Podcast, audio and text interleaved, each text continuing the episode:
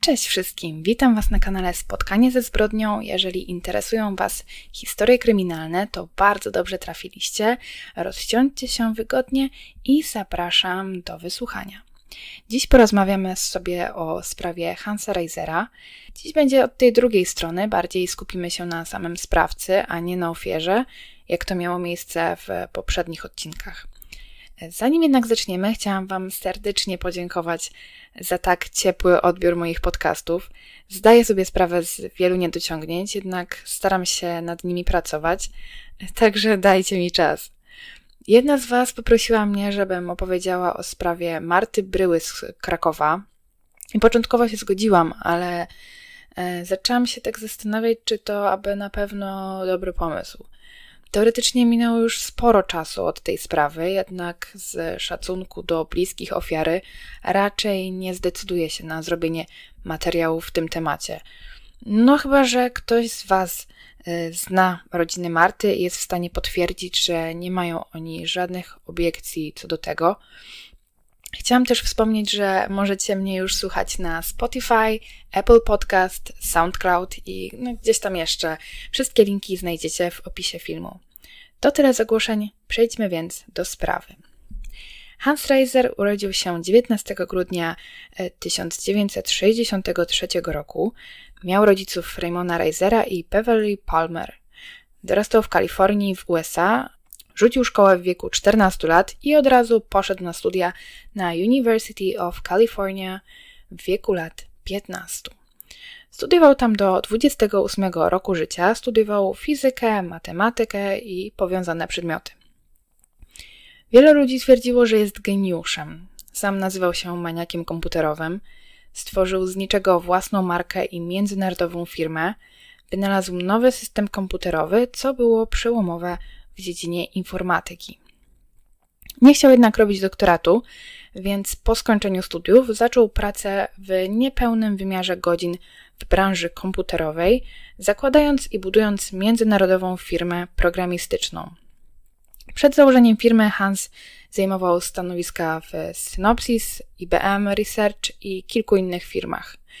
Kto pracuje na systemach Linuxa może będzie kojarzyć Razer FS albo Razer 4. Po jego aresztowaniu pracownicy stwierdzili, że nadal będą pracować, bo aresztowanie nie będzie miało natychmiastowego wpływu na tempo rozwoju firmy. 21 grudnia 2006 roku Hans sprzedał firmę, żeby zebrać pieniądze na opłaty prawne. W styczniu 2008 roku działalność spółki została zakończona, ale nie została sprzedana. Przejdźmy jednak do roku 98. W tym czasie Hans pojechał do Rosji, konkretniej do Sankt Petersburg, w poszukiwaniu taniej siły roboczej do swojej firmy. Nasz bohater najwyraźniej postanowił upiec dwie pieczenie na jednym ogniu, bo skorzystał z takiego Tindera z wczesnych lat 2000, e, czyli z takiego katalogu żon. Umówił się e, z jedną kandydatką w kawiarni w zimowe popołudnie, a pewności siebie dodawał mu kowbojski kapelusz. Gdy tylko zobaczył Ninę, od razu się w niej zauroczył. Miała ciemne oczy i włosy, piękny uśmiech, na widok którego uginały mu się kolana, a jej głos był anielski. Była lekarką, tak jak jej rodzice i dziadkowie, więc wywodziła się z dobrego domu. Co ciekawe, Nina nie była kandydatką na żonę, tylko tłumaczką na randce. Musiało to wyglądać komicznie, jak Hans był bardziej zainteresowany taką, powiedzmy, przyzwoitką niż potencjalną kandydatką na żonę. Jednak żadna kandydatka nie zrobiła na nim takiego wrażenia, jak właśnie Nina. W 99 w czasie zawierania aktu małżeńskiego Nina była już w pierwszej ciąży, czyli byli ze sobą około roku. E, ślub wzięli już w Stanach i tam też zamieszkali. Mieli nietypowy ślub. Wszyscy byli ubrani nietypowo. Sin, przyjaciel Hansa, przebrał się nawet za kobietę. Hans w wywiadzie porównywał swoją żonę do Marilyn Monroe, z tą różnicą, że Nina była mądra i oczytana. Mówił, że była niezwykle kobieca i spostrzegawcza w sposób, którego nie potrafił określić. Otwarta na ludzi i bardzo dobrze gotowała. Przez kilka lat małżeństwo wydawało się być udane. Przyjaciółka Niny zapytana o to, jak myśli, dlaczego to małżeństwo doszło do skutku, powiedziała, że przeciwieństwa się przyciągają. Jednak oboje chcieli jednego rodziny. Narodziny ich syna Roriego i córki Nyrlen, mam nadzieję, że dobrze to wypowiadam, e, były szczęśliwym czasem dla pary. Była dobrą matką, spędzała z dziećmi każdą wolną chwilę.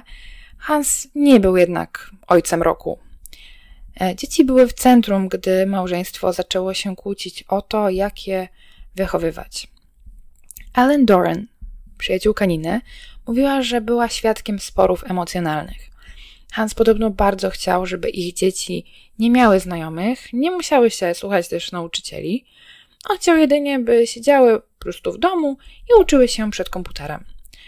Hans zmuszał syna, by ten uczył się przed komputerem od 4 do 6 godzin dziennie. Hans grał z małym Rorim w krwawe i brutalne gry komputerowe, jednak sam Hans twierdzi, że należy pokazać dzieciom brutalne gry i filmy bez względu na wiek. Rory po pewnym czasie ma koszmary, a gdy nie śpi, dużą ilość czasu spędza na rysowaniu potworów i żołnierzy. Dodatkowo mówi matce, że on i tata mają tajemnicę.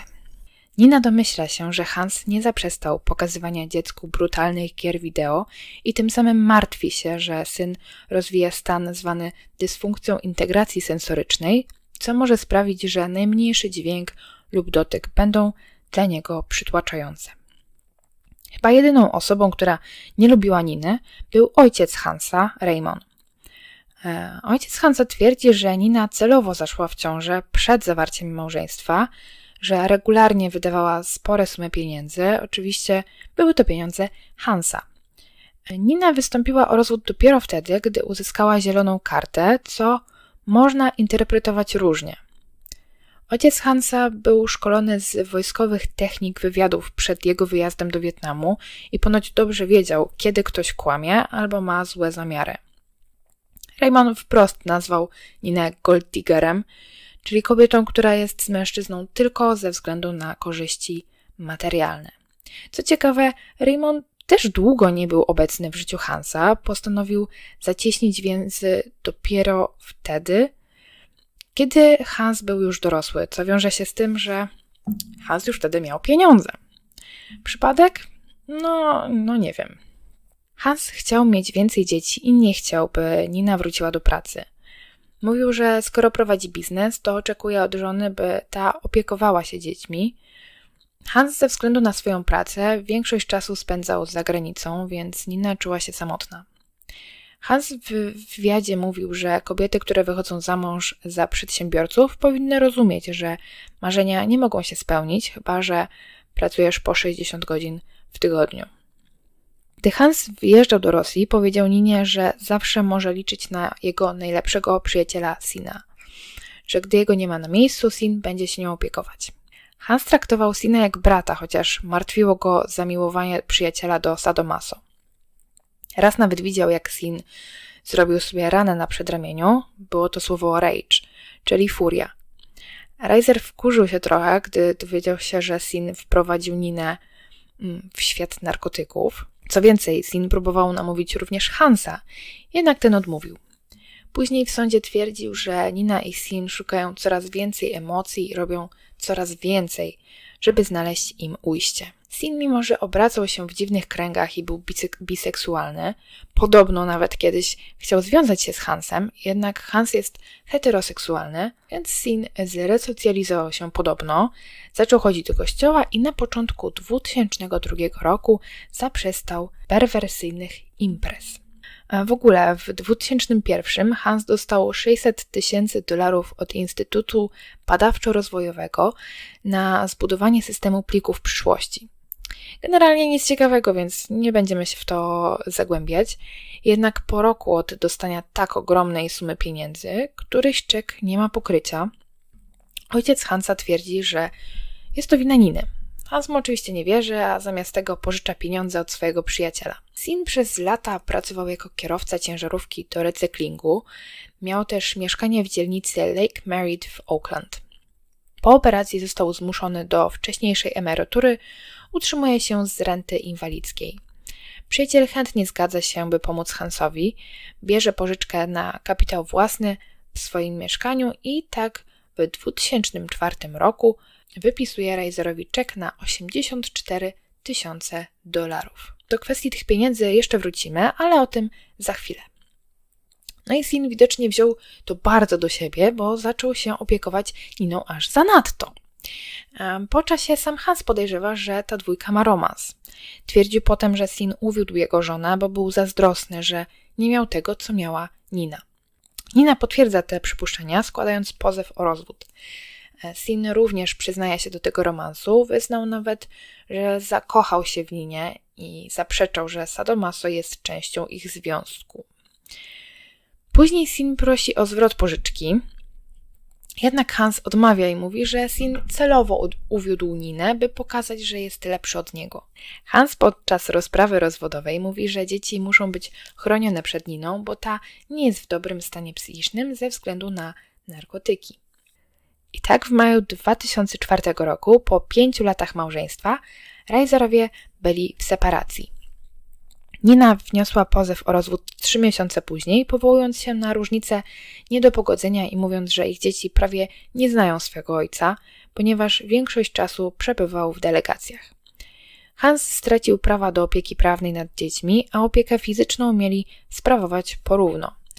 Rozwód nigdy nie, nie doszedł do skutku, chociaż sprawa była w toku. 22 grudnia 2004 roku konflikt między Razerami nasila się. Reiser przyjeżdża do mieszkania, które wynajmuje Nina i według niej Hans popycha ją, a ta upada na podłogę. Następnego dnia kobieta składa wniosek o zakaz zbliżania się. Rok później sąd przyznaje Ninie pełną opiekę prawną nad dziećmi.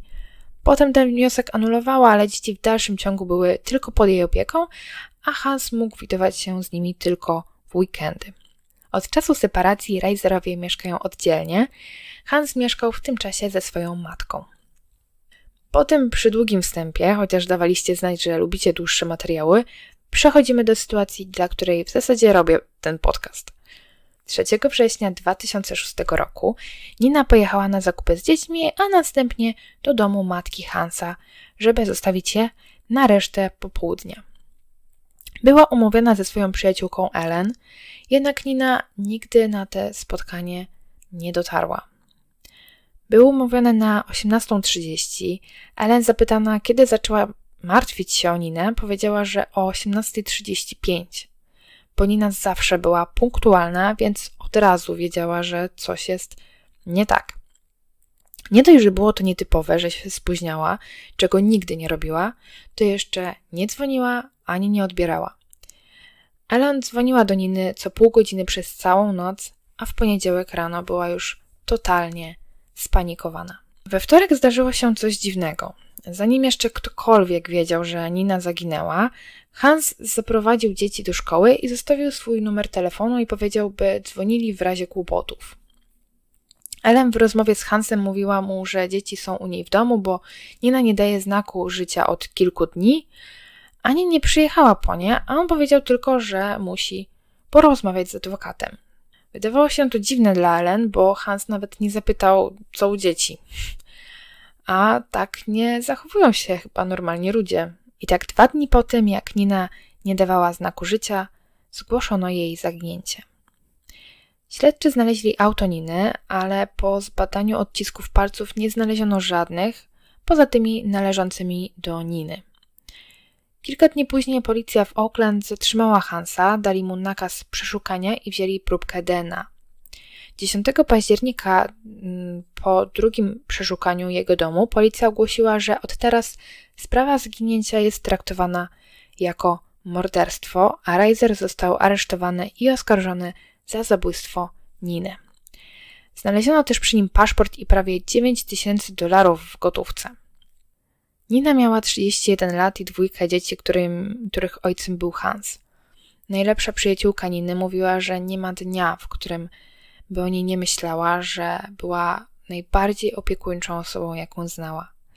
Sąsiedzi Hansa również byli zdziwieni, że Hans jest podejrzany, bo nic z zewnątrz nie wskazywało na to, by był w stanie skrzywdzić Ninę. Powstały wtedy dwa obozy: tych, którzy twierdzą, że Hans jest niewinny, No i oczywiście tych, którzy twierdzą, że zabił Ninę. W tym pierwszym obozie był oczywiście ojciec Hansa, Raymond, który twierdził, że Nina ukradła pieniądze Hansa i uciekła. Ludzie nawet stworzyli bloga na temat Hansa, który nosi nazwę Free Riser, na którym umieszczali wpisy, by udowodnić, że Hans jest niewinny.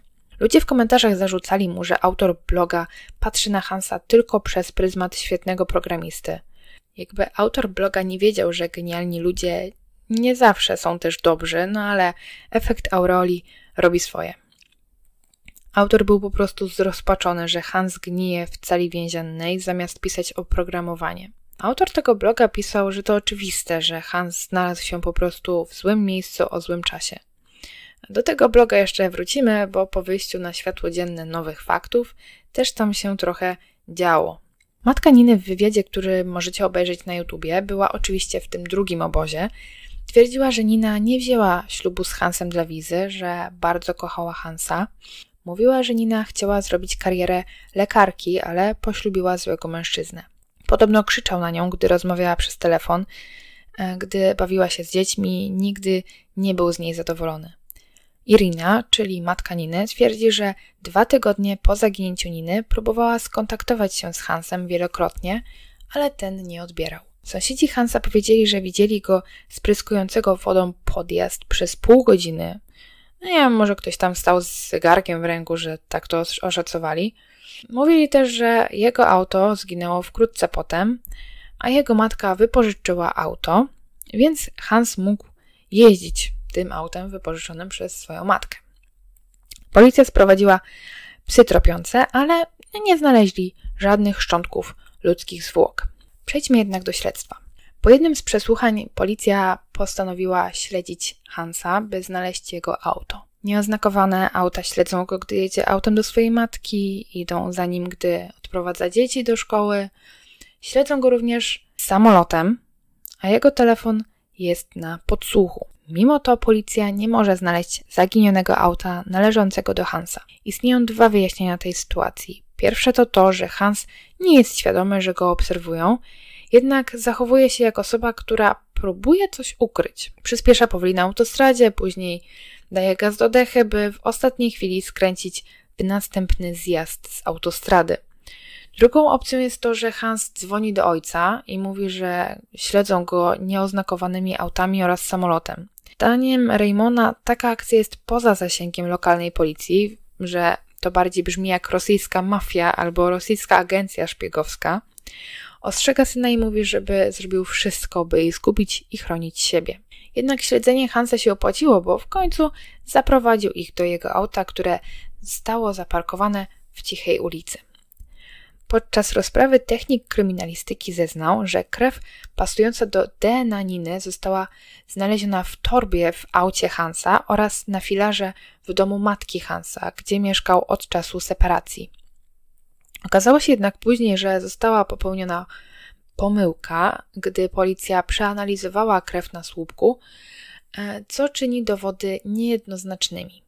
Obciążającymi dowodami było również to, że policja po zatrzymaniu Hansa odkryła, że podłogi w jego aucie są mokre, a siedzenia pasażera nie ma. Prokuratura twierdzi, że Hans użył auta, by pozbyć się ciała Niny. Wyjaśnienie Hansa jest złożone i trudne do prześledzenia, ponieważ był podejrzanym. Twierdził, że władze nie dopuszczą jego matki do przyjęcia opieki nad dziećmi, chyba że Hans się wyprowadzi, bo mieszkał z matką od czasu separacji. Musiał się więc wyprowadzić i od tamtej pory mieszkał w aucie. Policja zeznała również, że znaleźli jakiś zestaw narzędzi, który miał służyć do pozbycia się fotela pasażera z auta Hansa oraz pokwitowanie zakupu, cztery śruby siedzenia i klucz z gniazdem, co sugeruje, że siedzenie mogło zostać niedawno usunięte. Podłoga natomiast jest namoczona, jakby ktoś ją umył. Oficer ruchu drogowego, który zatrzymał Hansa 9 dni po zaginięciu Niny, e, zeznał, że siedzenie pasażera było wtedy na swoim miejscu i nie widział na nim krwi. Aucie Hansa znaleziono dwie książki o śledztwach w sprawie zabójstw Homicide i Masterpieces of Murder. Były zakupione pięć dni po zaginięciu Niny. Zastosowano wobec Hansa areszt tymczasowy, ale bez możliwości wyjścia za kaucją. Syn Razerów złożył zeznania dwukrotnie i obie wersje znacząco się od siebie różniły. Pierwsza to taka, że gdy matka przywiozła dzieci do domu matki Hansa, w którym mieszkał też Hans, dzieci poszły do piwnicy, a rodzice zostali na parterze. Kilka minut później Rory usłyszał, jak e, jego rodzice się kłócą, więc poszedł na górę, żeby sprawdzić, co się dzieje. Ojciec jednak kazał mu wrócić na górę, a Rory wtedy ostatni raz widział swoją matkę. Druga wersja wydarzeń, jak mówiłam, różniła się dosyć znacząco, bo według jego późniejszych zeznań Razerowie nie kłócili się wtedy, a Rory cały czas pozostał na górze, potem przytulił ją nawet i patrzył, jak odjeżdża. I wtedy ostatni raz widział swoją matkę. Jak tylko to przeczytałam, to zaczęłam zastanawiać się, czy Rory zrobił to specjalnie, bo chciał mieć chociaż jednego rodzica. Chociaż patrząc na to, jak traktował swoje dzieci, to nie byłabym tego taka pewna, ale to jednak rodzic. Czy może po prostu był to dla niego tak szokujący okres w życiu, że wymazał to ze swojej pamięci? A propos dzieci, to po aresztowaniu Hansa zostały przydzielone pod opiekę e, matce Niny, która zabrała je na wakacje do Rosji. No ale dzieci z tych wakacji nie wróciły, a prawnik z Rosji przysłał list, że dzieci są przerażone i do USA nie wrócą. Początkowo sądzono, że syn Razera nie wróci do składania zeznań w procesie ojca, jednak w zaskakującym posunięciu prokuratora okręgowego syn przybył z Rosji, aby zeznawać przed sędzią. Prokurator twierdził, że rozmawiał z babcią i że syn Razera był pod opieką terapeuty w Rosji, który chciał, aby ten został w Rosji w celu dalszego leczenia. Ujawniono również, że Nina Reiser uzyskała obywatelstwo rosyjskie dla swojej córki i syna przed swoim zaginięciem. Kurcze, biedne dzieci, w czasie kiedy Nina zaginęła, miały po jakieś 5 6 lat, a już były przerzucane jak paczki w DHL-u z jednego domu do drugiego, a potem jeszcze do zupełnie innego kraju. Hans bardzo kochał swoje dzieci. Powiedział w wywiadzie, że wysyła im listy z więzienia. Hans napisał e, dla swoich dzieci wiersz, który wygłosił w wywiadzie. Przyznał również, że bardzo za nimi tęskni. Dzieci odpisywały mu na listy, ale w każdym liście było pytanie, gdzie jest ich mama. A Hans w swoim liście nigdy nie napisał o niej ani słowa. Podejrzewano też, że Hans cierpi na zespół Aspergera, ale nigdy tego nie potwierdzono. Osoby dotknięte tym łagodniejszym wariantem autyzmu mają upośledzone umiejętności społeczne. Pamiętacie jeszcze Sina? Przyznał się do zabicia ośmiu osób. Przyznał się również do potencjalnego dziewiątego morderstwa, ale no, no nie był pewien, czy ofiara była martwa, kiedy ją opuścił. Sin twierdził, że nigdy nie był zagrożeniem dla Niny. Udzielił również wywiadu, w którym powiedział, że był molestowany jako dziecko. Jako dorosły wybierał ofiary, które skrzywdziły go w przeszłości. Mówił, że przestał zabijać w 95 i złożył zeznania policji badającej zaginięcie Niny. Składał zeznania bez adwokata, żeby udowodnić, że nie ma nic do ukrycia. Mimo to nie powie nic, co mogłoby potwierdzić zabójstwa, jak chociażby nazwiska jego ofiar. Nadal współpracował z policją, zapraszając ich nawet do sprawdzenia jego kolekcji broni. Ostatni raz zadzwonił do Niny w dniu jej zaginięcia. Nie widzieli się wtedy od czterech miesięcy, bo Sin nie mógł widywać się z dziećmi przez sprawę rozwodową, która była w toku. A że dzieci przebywały głównie z Niną, to kochankowie nie mogli się widywać. Wymuszona separacja frustrowała Sina, aż w końcu zerwał. Mimo to chciał on pomagać Ninie finansowo, bo Hans często spóźniał się z alimentami, a Nina nie pracowała w pełnym wymiarze godzin. No i kochani, mamy to. Po około półtorej roku śledztw i rozpraw sąd skazał Hansa za zabójstwo pierwszego stopnia na 25 lat więzienia. Ale tutaj plot twist. 9 lipca 2008 roku, czyli 3 miesiące po skazaniu, Reiser poprowadził władzę do zacisznego miejsca w pobliżu swojego domu na wzgórzach Oakland, gdzie ją pochował. Koroner powiedział, że nie potwierdzi, że to ciało Niny Reiser, dopóki nie dokonano pozytywnej identyfikacji szczątków. Powiedział, że ze względu na zaawansowany rozkład ciała, najbardziej prawdopodobną formą identyfikacji będzie DNA i dokumentacja stomatologiczna. Źródła podały, że znaleziono tylko szczątki szkieletowe.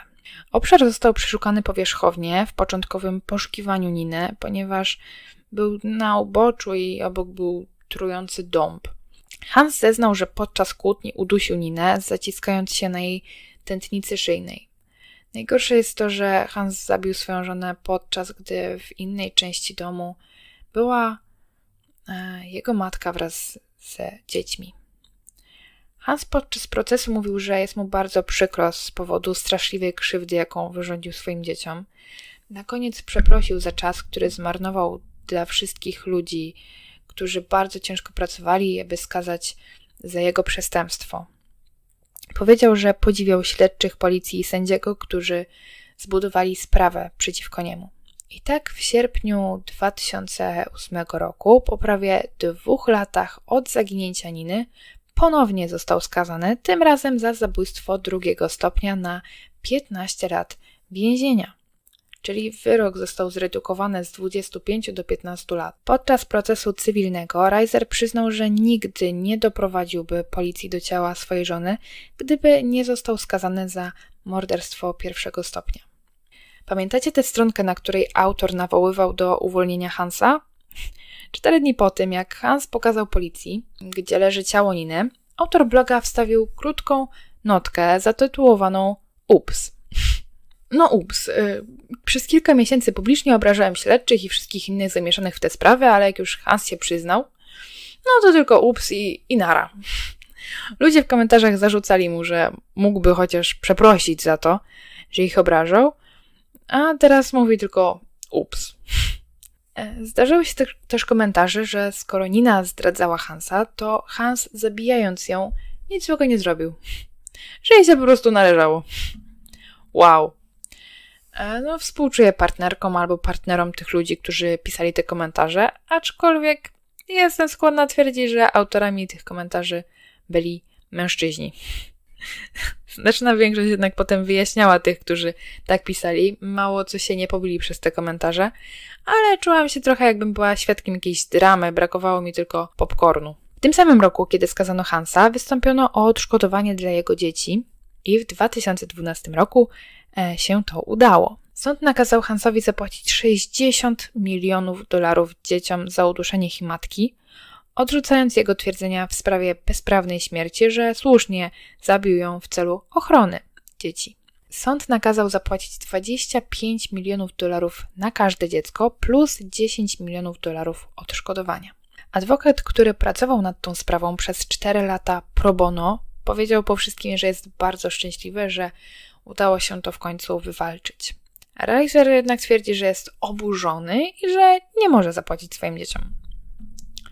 Swoją drogą słyszeliście o, o takim czymś w Polsce albo chociaż w Europie? Chyba tylko w Stanach takie przypadki jak ten się zdarzają, żeby wypłacać tak ogromne odszkodowanie dla rodziny ofiary. W artykule sprzed pół roku wyczytałam, że Hans był już uprawniony do zwolnienia warunkowego, ale odmówiono mu zwolnienia. Według akt odmówiono mu zwolnienia warunkowego na 3 lata, więc pozostanie za kratkami do marca 2023 roku. To już wszystko, co dla Was dzisiaj przygotowałam. Dajcie znać, czy znaliście tę sprawę, czy może dowiedzieliście się czegoś nowego. A tymczasem dziękuję Wam bardzo za wysłuchanie. Zapraszam też do wysłuchania moich poprzednich odcinków. A teraz życzę Wam miłego dnia, tudzież wieczoru i do usłyszenia